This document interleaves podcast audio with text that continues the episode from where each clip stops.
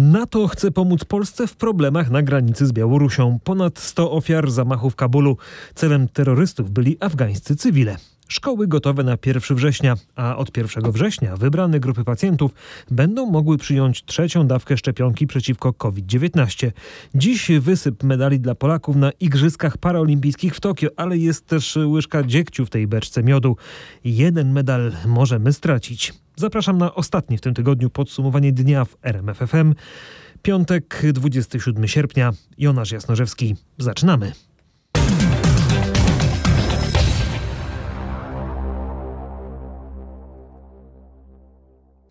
NATO gotowe jest pomóc Polsce w sprawie zagrożenia hybrydowego na granicy polsko-białoruskiej. Sojusz uważnie monitoruje sytuację na granicy z Białorusią, która wywiera presję migracyjną na naszych sojuszników Litwę, Łotwę i Polskę, przekazały naszej dziennikarce w Brukseli Katarzynie Szymańskiej-Borginą służby prasowe w kwaterze głównej NATO. Co powiedzieli dyplomaci sojuszu?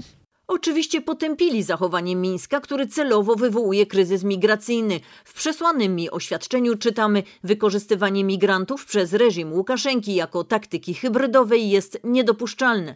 Dyplomaci NATO przypomnieli, że sekretarz generalny sojuszu Jens Stoltenberg omówił sytuację z rządami państw sojuszniczych. We środę 25 sierpnia na prośbę litewskiego rządu Rada Północnoatlantycka zdecydowała o wysłaniu niewielkiego zespołu ekspertów NATO do spraw zwalczania zagrożeń hybrydowych, by wesprzeć Litwę. Dyplomaci NATO dali do zrozumienia, że na podobną pomoc i solidarność może liczyć także Polska, jeżeli o to poprosi. NATO jest gotowe pomagać swoim sojusznikom i utrzymywać bezpieczeństwo w regionie, czytamy w przesłanym mi oświadczeniu.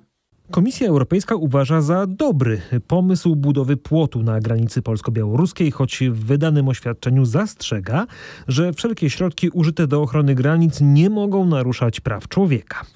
Komisja Europejska w swoim oświadczeniu zaznaczyła od razu, że wszelkie środki podejmowane w celu zarządzania granicami zewnętrznymi Unii muszą być proporcjonalne i muszą być zgodne z poszanowaniem praw podstawowych oraz praw wynikających z unijnych przepisów azylowych. Nie jest więc to poparcie bezwarunkowe. W dodatku Bruksela wyraźnie zaznacza, że Komisja nie finansuje tego typu płotów. Polskie władze nie mają więc co liczyć na unijne wsparcie przy budowie ogrodzenia. Naszym celem jest wykorzystywanie unijnych funduszy zawsze tam, gdzie mają one największą wartość dodaną, przekazało mi biuro prasowe komisji. W sprawie budowy ogrodzenia Bruksela zajęła już podobne stanowisko w przypadku np. Litwy czy innych krajów, które zaczęły budować zapory na swoich granicach zewnętrznych. A według Polskiej Straży Granicznej w obozowisku koło Usnarza Górnego jest w tej chwili 28 osób. Co ciekawe, y, część osób y, z tej grupy, jak twierdzą pogranicznicy, wymienia się. Piotr Błakowski. Zgadza się, pogranicznicy przez całą noc e, mieli dokładnie obserwować e, wszystkie osoby, które są e, w koczowisku. Jak usłyszałem, rano pojawiły się nowe twarze. W nocy teren nie jest oświetlony, część osób odchodzi od koczowiska, no i według Straży Granicznej wtedy może dochodzić do zamiany. Według Fundacji Ocalenie koczujące osoby są głodne, mają od strony białoruskiej dostawać zaledwie suchy chleb. Według polskich służb nie jest to prawda. Koczujące osoby osoby miały dostać e, ciepły posiłek, e, wskazują na to chociażby jednorazowe e, talerze. Ostatniej doby Straż Graniczna odnotowała ponad 50 nielegalnych prób przekroczenia granicy. Zatrzymano dwie osoby. Zatrzymani są obywatelami Iraku. Tylko w sierpniu, od początku miesiąca do dziś, to już ponad 3000 prób przekroczenia granicy tylko na tym odcinku.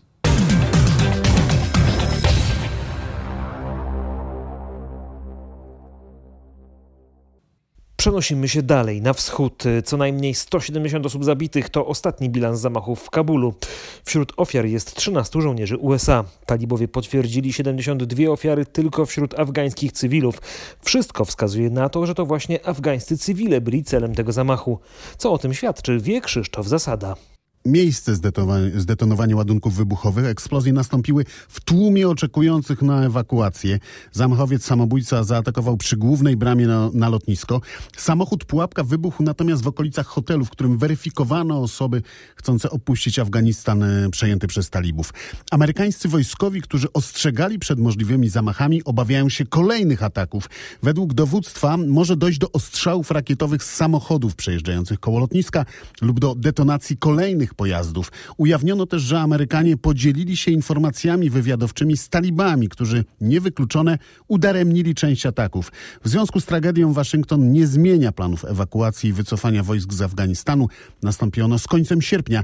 Biały Dom zapowiedział też odwet na przywódcach państwa islamskiego. Informacja dla tych, którzy przeprowadzili ten atak, no ale także dla każdego, kto życzy Ameryce krzywd. Nie wybaczymy, nie zapomnimy. Będziemy na was polować i zmusimy was, byście za to zapłacili. Mówił prezydent USA Joe Biden.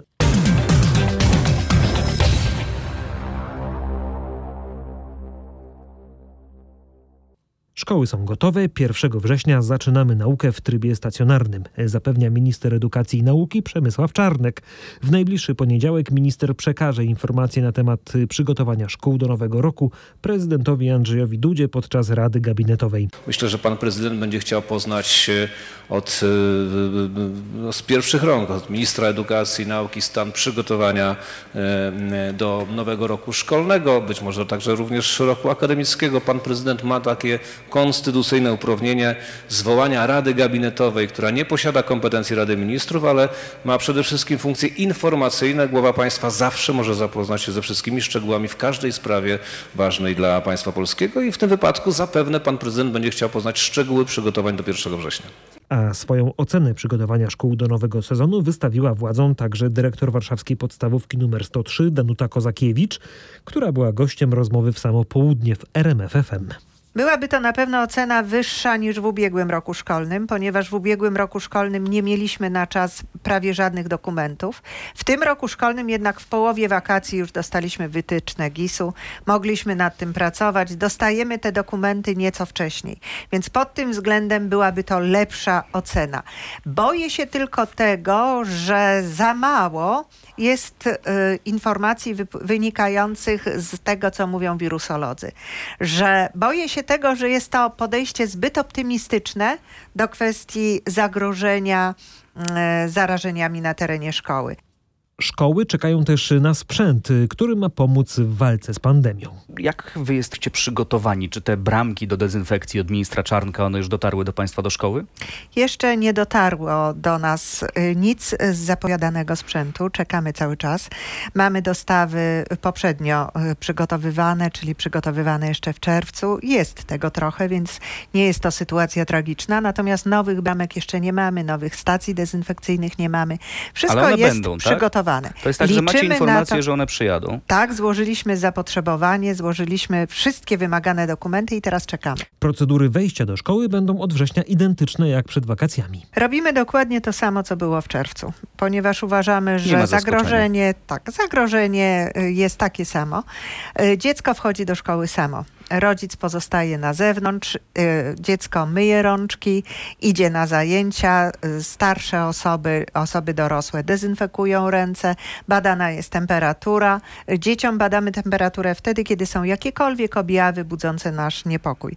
Natomiast nie ma badania wszystkim dzieciom wchodzącym do szkoły, ponieważ byłoby to takim małym paraliżem tego wejścia. Wchodzimy różnymi wejściami, więc procedury dokładnie te same, które były wcześniej.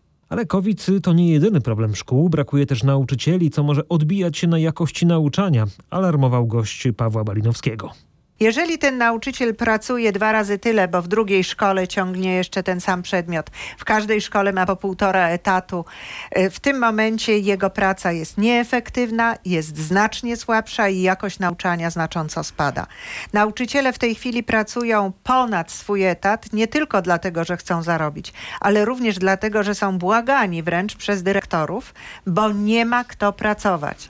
My nawet piszemy do siebie maile, pożycz mi nauczyciela na kilka kilka godzin, bo jeżeli dam e, niespecjaliście mm, nauczanie matematyki, to dobrze, żeby był w szkole jednak chociaż na kilka godzin specjalista, który pokieruje tym systemem nauczania. Więc to jest takie łatanie dziur, ale łatanie dziur, które przenosi nie za dobre rezultaty. Jak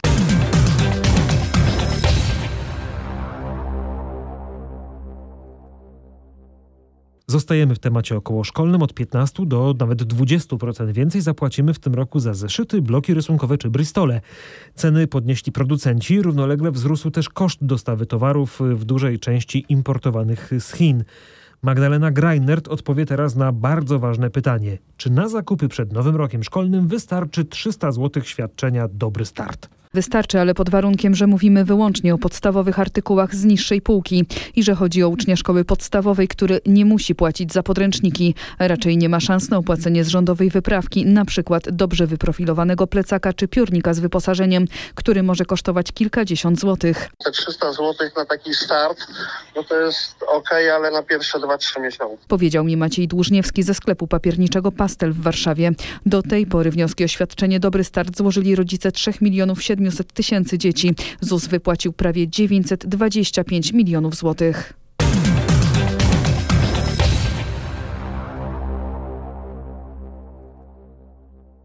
Od 1 września możliwe będzie podanie trzeciej dawki szczepionki przeciwko koronawirusowi, ale nie wszystkim, tylko pacjentom z zaburzeniem odporności. Zapowiedział to minister zdrowia. Adam Niedzielski ma już ostateczną rekomendację Rady Medycznej w tej sprawie. Mariusz Piekarski o tym, kto dokładnie będzie mógł poprosić o doszczepienie trzecią dawką. Rada Medyczna wymieniła tu siedem konkretnych grup pacjentów, którym z powodu upośledzenia systemu odpornościowego należy podać trzecią dawkę. To pacjenci po przeszczepie, przyjmujący leki immunosupresyjne, chorzy onkologiczni, ale w trakcie aktywnego leczenia. Osoby po przeszczepie komórek macierzystych, chorzy na HIV, osoby dializowane, a także osoby z umiarkowanym lub ciężkim zespołem pierwotnych niedoborów odporności oraz osoby leczone dużymi dawkami leków hamujących odpowiedź immunologiczną. To nie jest mechanizm, tutaj musi być konsultacja lekarska i w najbliższym czasie e, myślę, że zrobimy to od 1 września. Te osoby będą mogły mieć taki e, dostęp. E, chcemy dać możliwość takiej zwiększonej ochrony dla tych grup, które są szczególnie narażone na kontakt z COVID-em. Trzecia dawka szczepionki ma być podawana nie wcześniej niż 28 dni po zakończeniu podstawowego cyklu szczepienia. Rada Medyczna na razie nie zaleca jednak rutynowego podawania dawki przypominającej wszystkim. No i te wiadomości mają potwierdzenie w opiniach ekspertów. Y, trzecia dawka szczepionki przeciwko COVID-19 wydaje się być niezbędna w przypadku osób po przeszczepach narządów. Y, tak mówi Dorota Kamińska z Kliniki Nefrologii i Medycyny Transplantacyjnej Uniwersyteckiego Szpitala Klinicznego we Wrocławiu. Powodem jest to, że pacjenci po transplantacji dostają leki obniżające odporność. Te leki są konieczne, żeby narząd się przyjął, zapobiegają tak zwanemu ostremu i przewlekłemu odrzucaniu. Natomiast niestety, ponieważ obniżają odporność, a więc też obniżają odpowiedź organizmu na szczepienie. Nasi pacjenci w znacznie mniejszym procencie wytwarzają odporność i humoralną, czyli tą przeciwciała i komórkową na szczepienie przeciwko COVID. Po dwóch dawkach mniej więcej 40% pacjentów tylko jest odpornych. Y, badania z Francji, Izraela czy Stanów Zjednoczonych mówią jasno, że podanie trzeciej dawki prawie dwukrotnie zwiększa efekt wystąpienia odporności, y, dodaje Dorota Kamińska. Z kolei naukowcy z Bristol Royal Hospital informują, że niepożądane efekty po szczepionce przeciwko COVID-19 y, firmy Pfizer w grupie 12-15-latków są łagodne i umiarkowane oraz szybko ustępują. O szczegółach Grzegorz Jasiński. To dzieci, których rodzice zdecydowali się na szczepienie nie w celach badań klinicznych, do których i tak by ich nie zakwalifikowano, ale z powodu chorób współistniejących, które uznaje się za silny czynnik ryzyka w przypadku zakażenia koronawirusem. Te dzieci cierpią na różne choroby neurologiczne, w tym dystrofię mięśniową, porażenie mózgowe, padaczkę czy nawet wrodzone wady serca. Dla nich infekcja atakująca układ oddechowy jest szczególnie groźna. Spośród 27 badanych po pierwszej dawce szczepionki różne efekty niepożądane pojawiły się u sześciorga, bóle głowy, mięśni, gardła, biegunka, wysypka, problemy ze snem ustąpiły w ciągu trzech dni. Po drugiej dawce takie objawy pojawiły się u pięciorga z tych dzieci, całkowicie ustąpiły w ciągu tygodnia. To mocny argument, że szczepienia dzieci w tym wieku są bezpieczne. A na świecie cały czas trwają prace nad lekiem przeciwko koronawirusowi. Dziś pojawiły się obiecujące wyniki testów preparatu o nazwie Opaganib. Jak działa ten lek? To doustny preparat, który działa przeciwwirusowo i przeciwzapalnie, blokując enzym, tzw. Tak kinazę sfingozyny 2, kluczową dla replikacji wirusa w komórkach. Właśnie poinformowano, że w kulturach komórek pobranych z dróg oddechowych lek hamuje rozwój wariantu delta koronawirusa równie skutecznie jak wcześniej w przypadku poprzednich wariantów, ponieważ Opagani przyniósł już wcześniej korzystne wyniki dotyczące skuteczności i bezpieczeństwa stosowania u blisko 500 pacjentów hospitalizowanych z COVID-19, można mieć nadzieję, że na dalszym etapie badań potwierdzi swój potencjał. Firma, która go opracowała pierwotnie do walki z pewnymi postaciami nowotworów, ma nadzieję, że preparat może okazać się skuteczny także wobec ewentualnych przyszłych odmian SARS-CoV-2, bo mutacje białka kolca koronawirusa nie mają dla jego działania znaczenia. Świat pracuje nad lekiem na COVID, a w Polsce stacje pogotowia ratunkowego zmagają się z brakiem personelu, donosi Michał Pyclik. Ratownicy z pogotowia ratunkowego we Wrocławiu alarmują. Ostatniej nocy z podstacji Śródmieście nie wyjechała żadna karetka. Powodem jest brak obsady.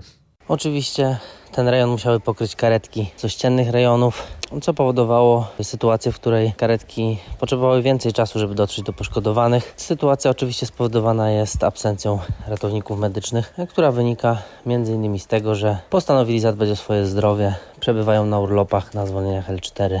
Mówił Kamil Kędzierski, ratownik medyczny z Wrocławia. Zdaniem Urzędu Marszałkowskiego, który nadzoruje pogotowie, sytuacja jest stabilna.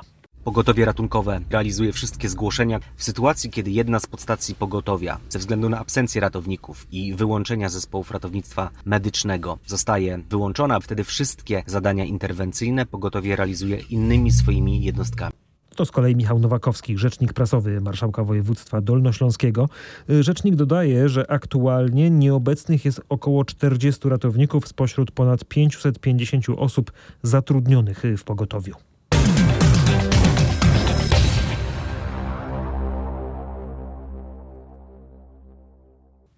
Prawdziwy wysyp medali dla Polaków. Nasi reprezentanci na Igrzyskach Paraolimpijskich w Tokio zdobyli dziś złoto, srebro i brąz. Róża Kozakowska wywalczyła złoty medal w rzucie maczugą. Co więcej, osiągając 28 metrów i 74 centymetry, ustanowiła nowy rekord świata. Michał Derus zdobył za to srebrny medal w biegu na 100 metrów i tutaj też mamy rekord. Derus przebiegając 100 metrów w czasie 10 sekund i 61 setnych sekundy ustanowił rekord Europy. Kolejny brązowy medal wywalczył Lech Stoltman w konkursie pchnięcia kulą z wynikiem 12 metrów i 15 centymetrów. Ale żeby nie było zbyt kolorowo, to w tej beczce miodu jest i łyżka dziegciu. Y, bo w powietrzu wisi dopingowy skandal z udziałem polskich paraolimpijczyków. Naszym brązowym medalistom w kolarstwie torowym Marcinowi Polakowi i Michałowi Ładoszowi grozi nie dość, że utrata medalu, to jeszcze dyskwalifikacja. Reprezentanci Polski mieli stosować doping. Szczegóły zna Paweł Pawłowski. Chodzi o EPO, zabronioną substancję, która wpływa na wydolność zawodników. Jak informuje Polska Agencja Antydopingowa, EPO wykryto w próbkach pobranych od obu sportowców. W działania mające na celu wykrycie dopingu zaangażowani byli międzynarodowi eksperci oraz dwa laboratoria akredytowane przez Światową Agencję Antydopingową w Warszawie i w Tokio. Jeśli próbki B potwierdzą obecność EPO w organizmach zawodników, grozi im odebranie medali oraz czteroletnia dyskwalifikacja. Zawieszenie oznacza wykluczenie Polaków z kolejnych startów na igrzyskach. Los zawodników wydaje się być przesądzony. Tak można przynajmniej sądzić na podstawie tego, co mówi szef Polskiej Agencji Antydopingowej Michał Rynkowski. Zawodnicy zostaną najpewniej w najbliższych godzinach wydaleni z wioski paraolimpijskiej i będą musieli wrócić do kraju.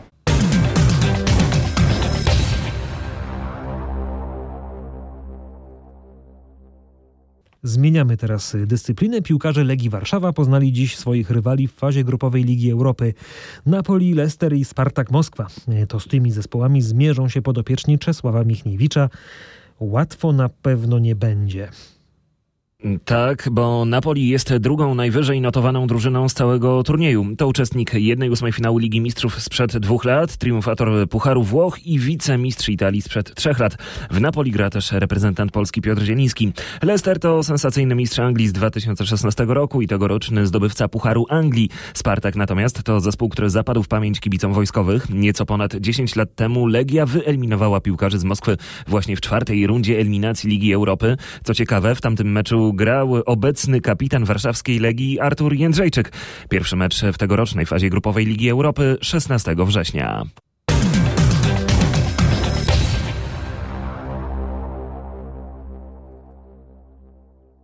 A przed nami ostatni weekend wakacji. Pogoda przed weekendem nie zasługuje raczej na ciepłe słowo. Powiedzieć, że jest ponuro i chłodno, no to tak jakby nic nie powiedzieć. No i właśnie przez to ochłodzenie część turystów zrezygnowała na przykład z wypoczynku na Mazurach. Ale y, druga strona tego medalu jest taka, że wiatru nie brakuje, więc y, tu też na Mazurach dużym zainteresowaniem cieszą się wciąż czartery jachtów. Te nieprzychylne prognozy pogody nieco rzeczywiście przestraszyły turystów. Jest już w tej chwili zdecydowanie luźniej. W Mikołajkach y, można bez problemu znaleźć w tej chwili wolne miejsca noclegowe. Myślę, że jest to wymarzona pogoda dla żeglarzy, ale nie tylko. Miłośnicy rowerów na pewno też y, chętnie z tej pogody w tej chwili korzystają, a tych ścieżek rowerowych jest y, na Mazurach bardzo dużo i Mazury widziane z roweru są naprawdę piękne. Mówiła Joanna Durkiewicz z wioski żeglarskiej w Mikołajkach. I to wszystko, co przygotowałem dla Państwa na dziś, to było podsumowanie dnia w RMFFM. Życzę Państwu, mimo tej nie najlepszej pogody za oknem, maksymalnego wykorzystania tego ostatniego wakacyjnego weekendu. Za dziś dziękuję. Jonasz Jasnorzewski. Do usłyszenia.